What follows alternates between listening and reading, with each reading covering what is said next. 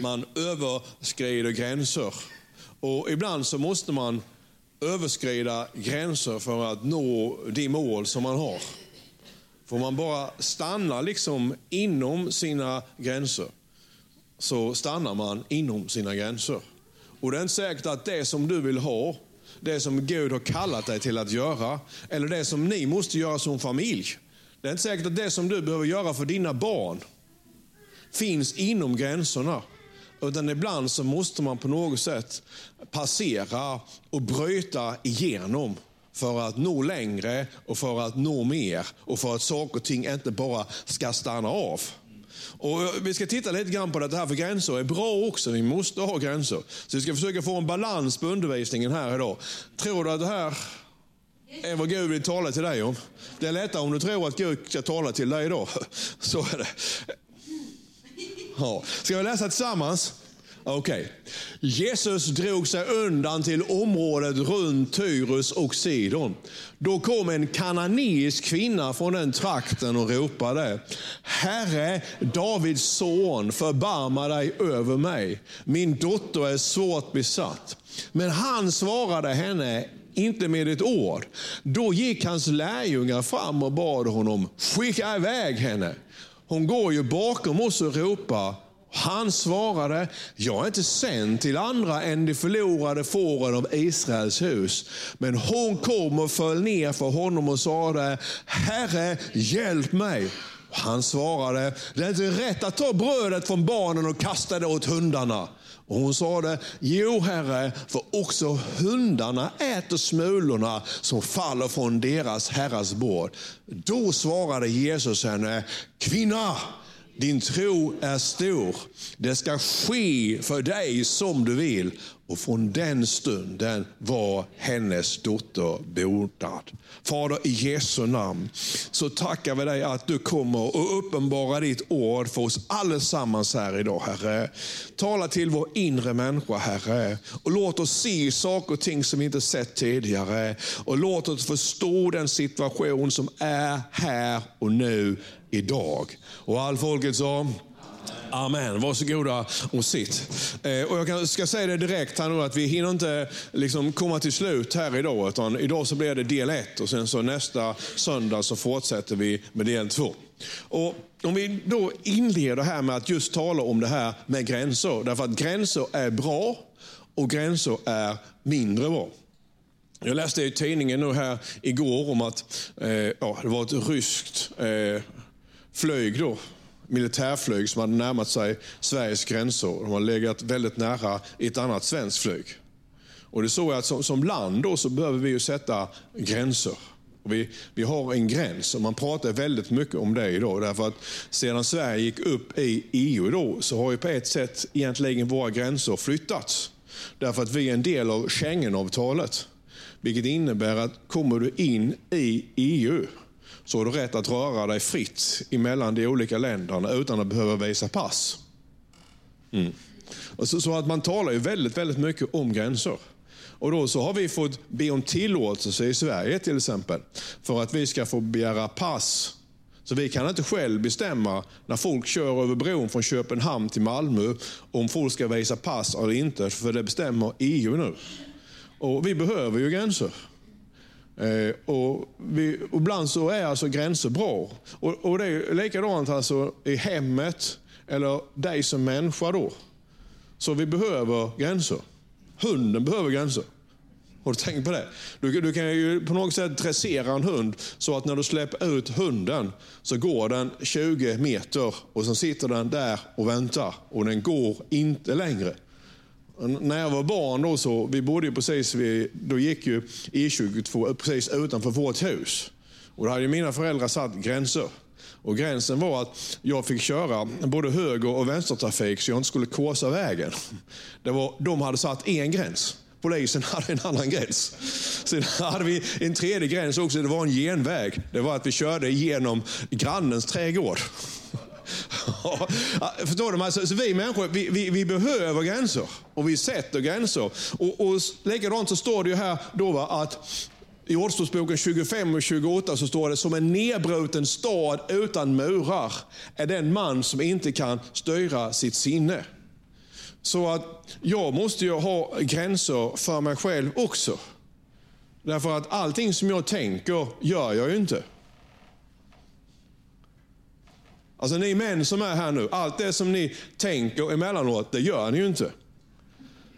Nu ska jag inte ha handuppräckning på det här. Hur många av männen här har sett en snygg kvinna någon gång? Ja, tack och lov att du inte gjorde det som du tänkte. Och varför gjorde du inte det som du tänkte? Jo, du gjorde ju inte det som du tänkte därför att du har satt gränser.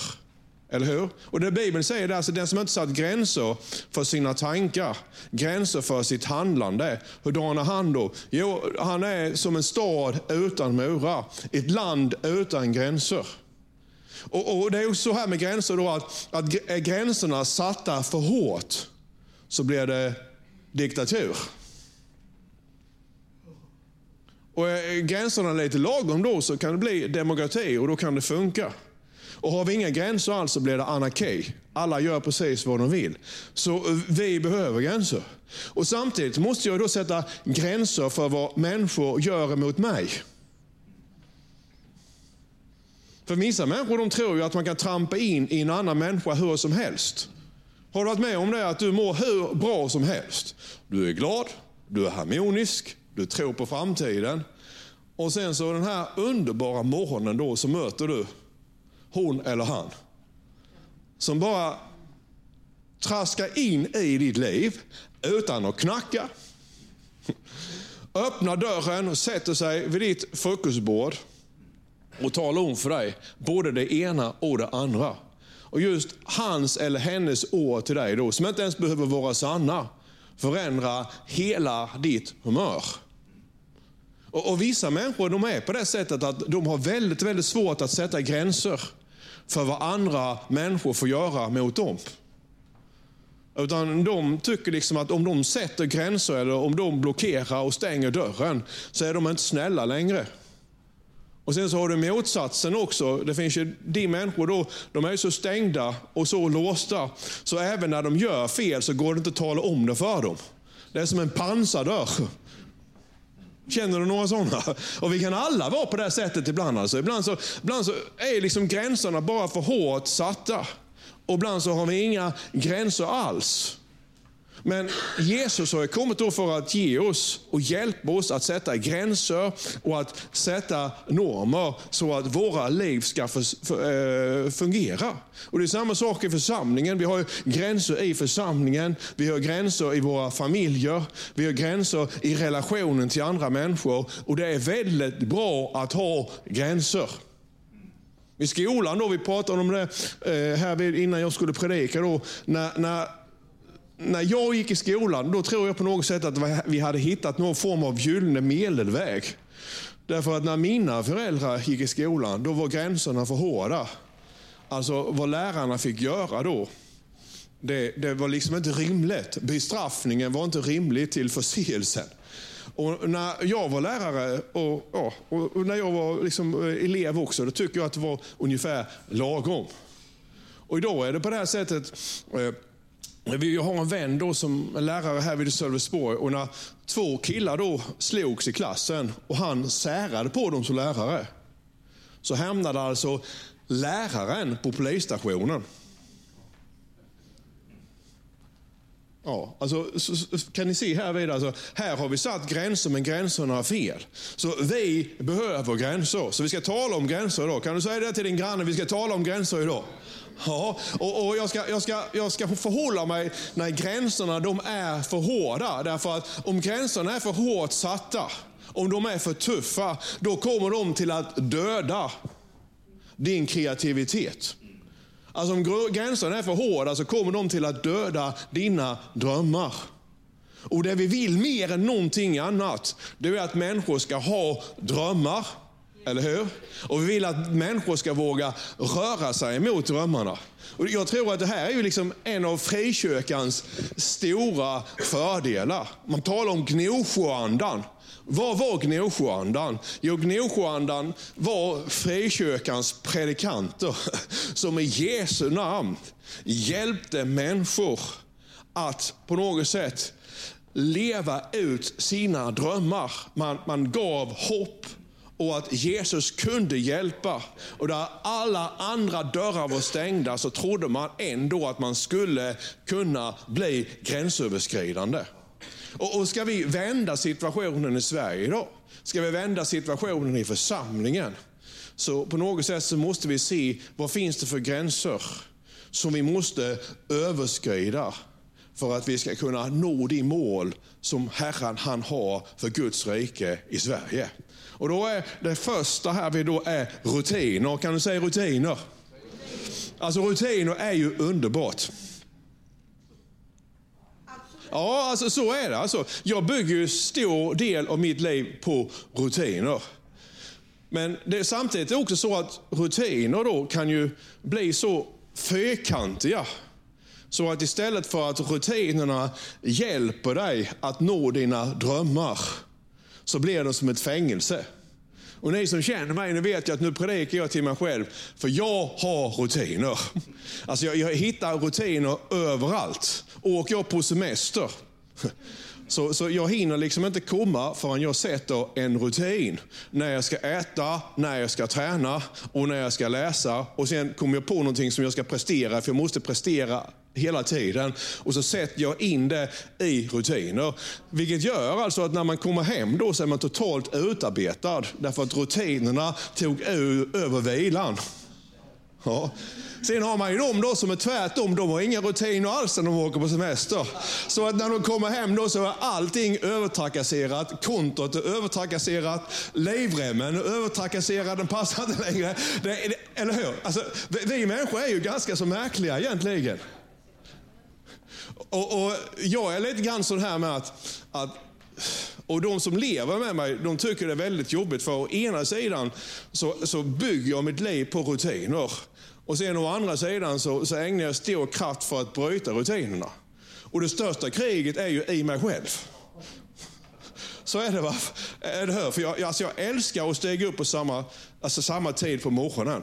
Och jag köper samma ost varje vecka. Gud nåde dig om du köper en annan ost.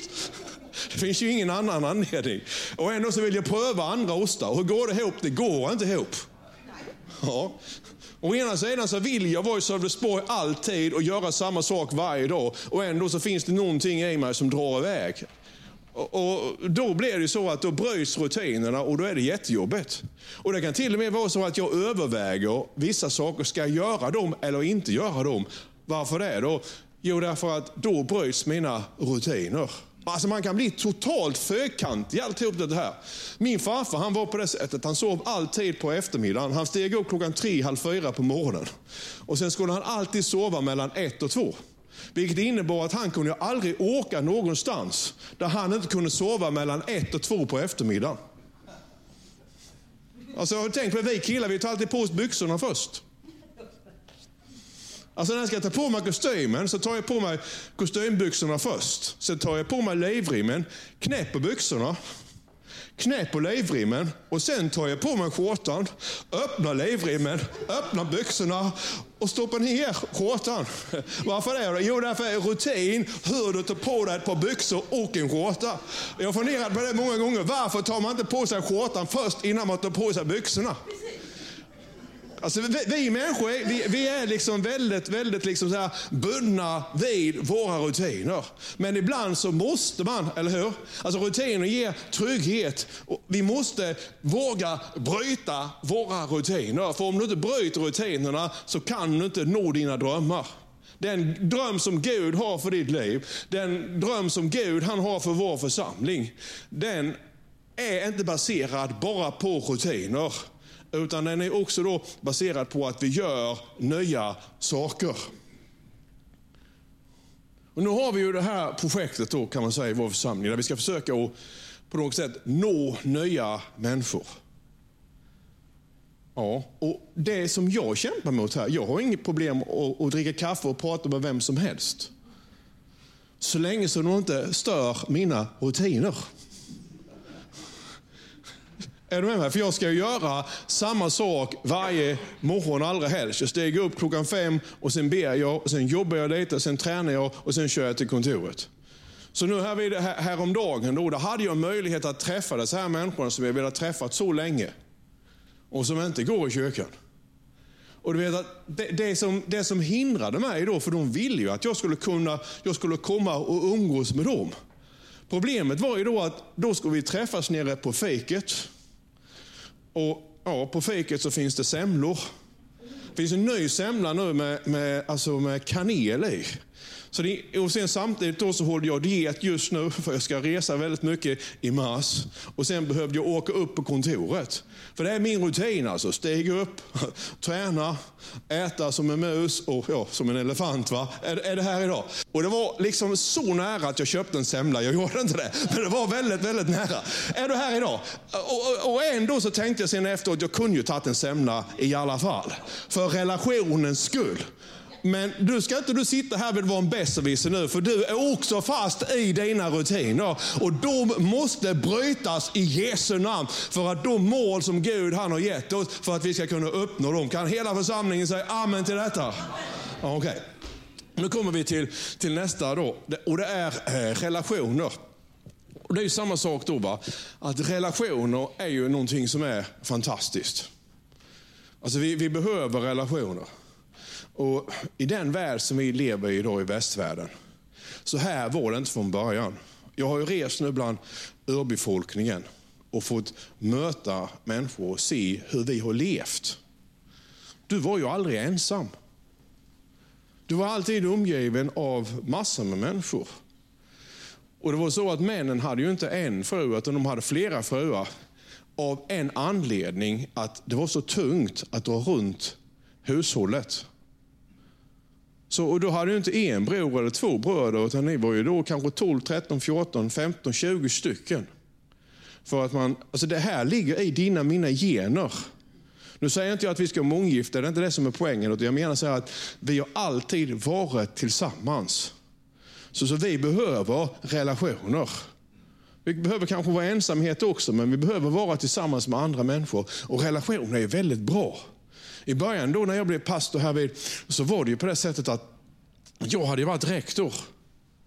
Och jag, jag, tror ju så här att kommunen är objektiv. Det är de. Alltså de, de bemöter människor på ett objektivt sätt. Jag vill inte tro någonting annat. Men då är det att när jag då ringde till kommunen de 10-15 första åren, i och med att jag har varit rektor och vi, hade varit, vi var kommunalanställda, jag kände ju dem allihop. När jag då ringer och säger hej det är Tommy. Då innebär det att säger de, ja men hej Tommy säger de då. Om jag, då visste de att jag var pastor i Pingstkyrkan. Men om de inte hade känt mig, då hade jag fått först att säga, hej det är Tommy, jag är pastor i Pingstkyrkan i Sölvesborg. Och då skulle det innebära att då hade de ställt en massa frågor. Vem är han? Vad vill han? Är det en person som vi kan lita på? Eller är han en sån, typ, är han sån frikyrkopastor som vi läser om i deckarromanen nu för tiden? Eller vad är det för filur egentligen? Eh, förstår du vad jag menar? Alltså, så, så, så eh, relationen gjorde ju då att det här avståndet som man alltid har när man träffar en ny människa, att man får lära känna varandra, det hade ju inte jag. Därför att jag hade gott förtroende som rektor.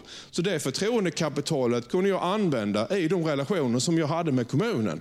Så jag menar så att så ni inte missförstår mig nu, för relationer är väldigt, väldigt bra. Och det öppnar dörrar och, och det, det, det, är väldigt viktigt att ha relationer. Men sen finns det också relationer då som på något sätt sätter gränser och som gör att vi inte gör det vi ska göra eller som stänger in oss. Så det finns relationer som dödar drömmarna. Det finns relationer som dödar din och min kreativitet. Och De relationerna behöver man göra sig av med. Det är därför som en missbrukare till exempel, när man tar missbrukaren många gånger bort ifrån sin situation och kommer på ett behandlingshem och är där några månader. Så ofta då så får man ju bukt med missbruket. Men sen när man kommer tillbaka hem, vad är det som finns hemma då? Ja, där finns de gamla relationerna. Och, och det, det är inte missbruket i sig själv som är problemet. Utan det är relationerna som man har där hemma. Det är relationerna som egentligen är fängelset. Kan du liksom ta dig över gränsen förbi de relationerna, då kan du kanske också bli fri i ditt missbruk. Eller hur? Och, och sen samtidigt är det så att, om man talar ett äktenskap, och man talar församling eller när man är tillsammans. Och Det här är väldigt viktigt att, att inse det här att det är ju vi. Alltså vi är folkkyrkan. Mm. Men i vi så måste det också finnas ett du. Så att när vi kommer tillsammans så måste du få vara du. För om det bara blir vi allesammans, då utplånar jag på något sätt det unika som du är.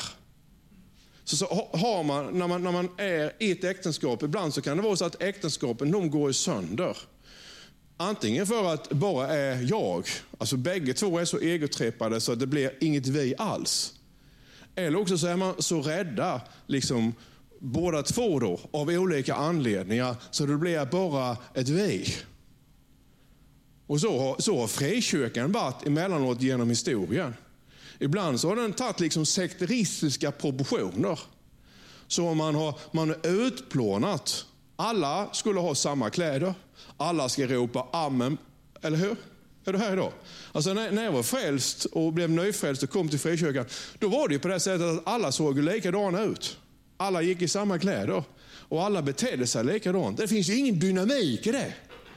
Däremot så, så är det, alltså vi, ska, vi ska kännas, vi är vi. Eller hur? Vi är ett radarpar.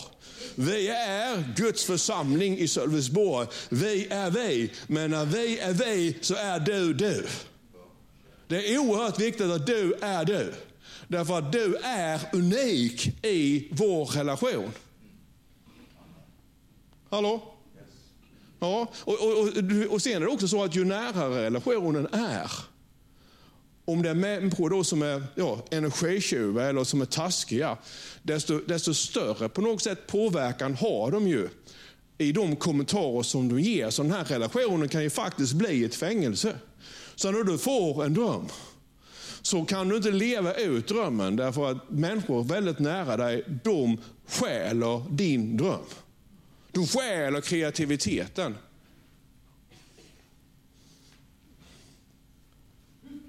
Du vet, i församlingen här så har det varit lite bråk emellanåt. Och människor som har tyckt både det ena och den andra. Och Det var en tid då där man inte var överens om man skulle sjunga segertoner eller om man skulle sjunga lovsång. Och, och, Då kunde man märka också att vissa söndagar då, så var det ett gäng människor som sjöng. Och de var så glada. Och de var så positiva.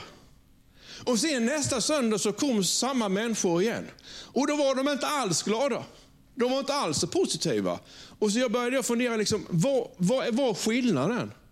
Jo, därför att då fanns det en eller två andra personer i gudstjänsten också. Och dessa här personerna hade relation med den här gruppen som var glad ena gudstjänsten och var nästan arga på mig nästa. Varför det då? Jo, det här fanns ju en relation då. En stark relation som begränsade där man hade talat ut saker och ting. Och som gjorde att när, när vi då på något sätt ville ta vår församling in, in i en ny tid, eller hur? Och nu är det ju 2019. Det är ju inte, 20, nej, inte 1980 längre. Jag träffade eh, Stefan Salomsson nu i veckan här. Va? Och det är så, va? han är på tronen. Alltså, ja, det är bara en underbar lovsång.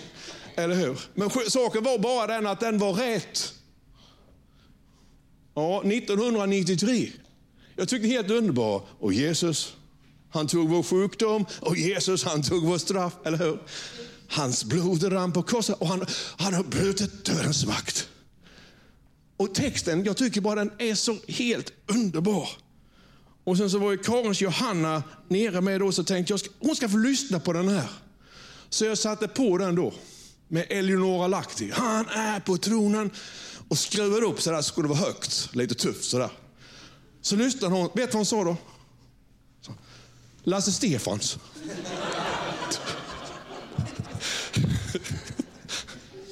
ja. Alltså jag, jag fattar inte hur man kan få det till att låta Lasse Stefans. Ja, alltså, men det är inget, är du här idag? Alltså, när, när, vi, när vi samlas här idag, du måste inse att när vi är en grupp människor i en gudstjänst så finns det relationer. Och de relationerna får ju aldrig vara på det sättet så att vi sätter varandra i ett fängelse. Det får inte vara så att relationerna fängslas när det gäller rutiner eller när vi är på väg framåt och vi ska nå våra drömmar. Alltså systrar, bröder, föräldrar, de kan ju vara, i all sin välmening, så kan de ju vara oerhört jobbiga. Därför att de stänger alla möjligheter. Och det värsta är ju, eller det värsta är ju, det kanske är bra på ett sätt, de gör det i kärlek, men ändå så blir det fel. Man Döda på något sätt drömmarna. Man tar död på kreativiteten och så sätts man i ett fängelse. Halleluja. Men jag, jag, tror att vi ska ha relationer istället som, som uppmuntrar kreativitet. Eller hur? Som uppmuntrar att göra nya saker. Som uppmuntrar att starta ett företag. Att, som uppmuntrar att vill du utbilda dig så gör du det. Vill du inte utbilda dig så gör inte det. Alltså, du behöver inte göra det som dina föräldrar de har gjort. Du behöver inte göra det som människor säger till dig att du ska göra, utan på något sätt våga vara gränsöverskridande. För då kan vi vara vi, och när vi är vi så kan du vara du. Och när du är du, när vi är vi, då blir det bra, för då blir det en dynamik i det här. Kan du slå till din granne och säga du ska vara du? Samtidigt som vi är vi. Okej. Okay. Då har vi sista punkten här idag. idag och de, den skulle jag kunna prata väldigt länge om, jag ska inte göra det. Och Det handlar ju då om religion. Alltså religion är kanske det som kväver oss allra, allra mest. Och Jesus han säger så här då, va? Ni upphäver Guds ord för era stadgas skull. Alltså vad, vad är det egentligen Jesus vill? Och om man tittar tillbaka på kyrkan och kyrkans historia. Och jag behöver inte gå längre till vår egen församling. Jag har varit med här nu i, i snart 30 år. Det är otroligt egentligen att det går 30 år. Men i alla fall, när, när människor har bråkat i vår församling, vad har man bråkat om då? Jo, man har bråkat om det som Jesus säger, för våra stadgars skull. För regler som vi själva har kommit på, som inte ens kan knytas till det som Jesus han har sagt. Och Det här går väldigt, väldigt, väldigt snabbt. När en ny väckelserörelse växer fram, alltså man, man får en ingång, eh, man får människor som kommer, de tar emot Jesus, man döper och, och ganska snabbt så, så skapar vi rutiner. Så är det va? Ganska snabbt så skapar vi system och det är inte fel i det. Men vi har så väldigt, väldigt lätt att börja tillbe systemet istället för det som är kraften i det som vi sysslar med, relationen till Gud. Alltså, och det, det, det, är ju så med att vi behöver någonting att hänga upp vår tro på. Och vi behöver någonting att hänga upp gudstjänsterna på. Så, så, så, men vi måste på något sätt fundera över allt det här kriget.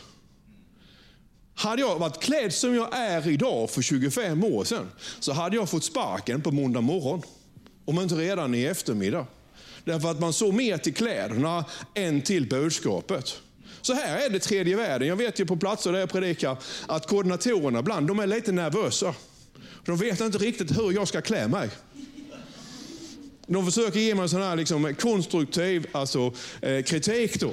Så när, när jag kommer ut i kostym med skjorta och slips så säger han, Åh Tommy, säger de. Åh vad du är fin idag. Och Tommy, idag så ser du ut som en riktig apostel. Idag så ser du ut som en, en riktig alltså, de är direktör. Och du är så fin Tommy. Vad de egentligen säger, Tommy du kan inte vara klädd som du var klädd igår. Det funkar inte. Och de är jättenervösa. Och de säger till dem, är det kläderna som ni vill ha, då kan jag skicka ner kostymen. Det är Guds kraft det handlar om, eller hur? Alltså, eh, det är ju så att sjunger vi inte de rätta sångerna och gör vi inte så som vi alltid gjort, och det går snabbt. Och Jag märker ju nu att, att, att, några av de förändringar som vi gör i vår församling nu, därför att vi, ska, vi måste på något sätt föda barn. Vi måste nå folk där ute. Hade jag gjort dem för tio år sedan, så hade det inte fungerat. Därför att vi tror att vissa saker sitter i hur vi gör dem. Och det handlar om hjärtat till Gud. Och Paulus han skriver ju här då va, i Kolosserbrevet 2 och eh, 23 så säger han, visserligen så ser det ut som vishet. Och det är det som är det bedrägliga. Alltså det kan se ut som vishet. Det kan se så heligt ut. Det kan så se så kökligt ut. Och vi tycker liksom att det ska ju se lite kökligt ut Tommy. Kan du inte skaffa dig helskägg och en svart prästkappa för då ser det mer kökligt ut? Jo, det kan jag visst göra, men om Guds närvaro kommer för att jag har skägg, nu säger jag ingenting om er som har skägg, så tänker du inte så. Alltså, men det sitter ju inte i skägget. Kan du säga det till din granne? Det sitter inte i skägget. Nej, visserligen ser det ut som vishet med självvald fromhet. Och, så är det. Va? Det här människorna som tycker att de är så fromma, de talar liksom ibland över huvudet på dig. Jag vet när jag var ung då. Jag var ju så här, eh, varubud springpojk sa man ännu längre tillbaka i Bromölla.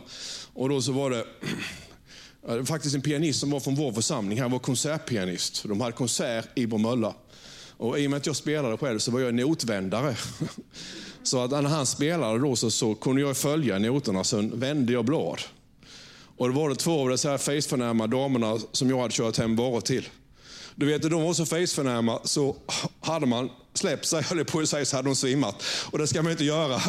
Så, va? Men, men, men ändå. Och så, så kom de, jag kommer ihåg det än idag, så kommer de fram till mig och de pratade nästan över mig. Så, så du får vara, sa de, i sånt celebert sällskap.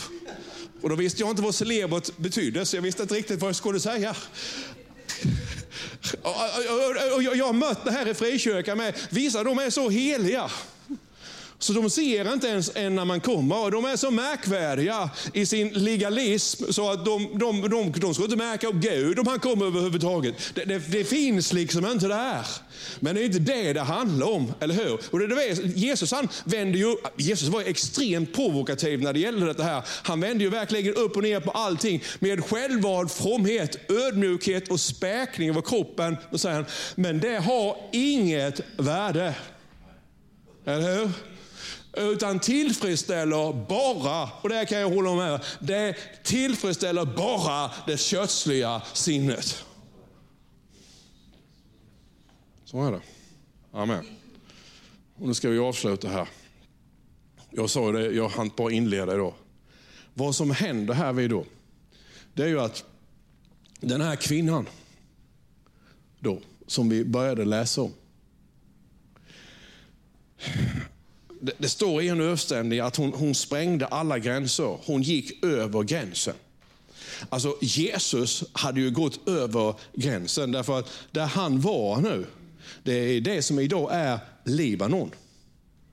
Och Den här kvinnan idag hade vi kallat för en libanesiska.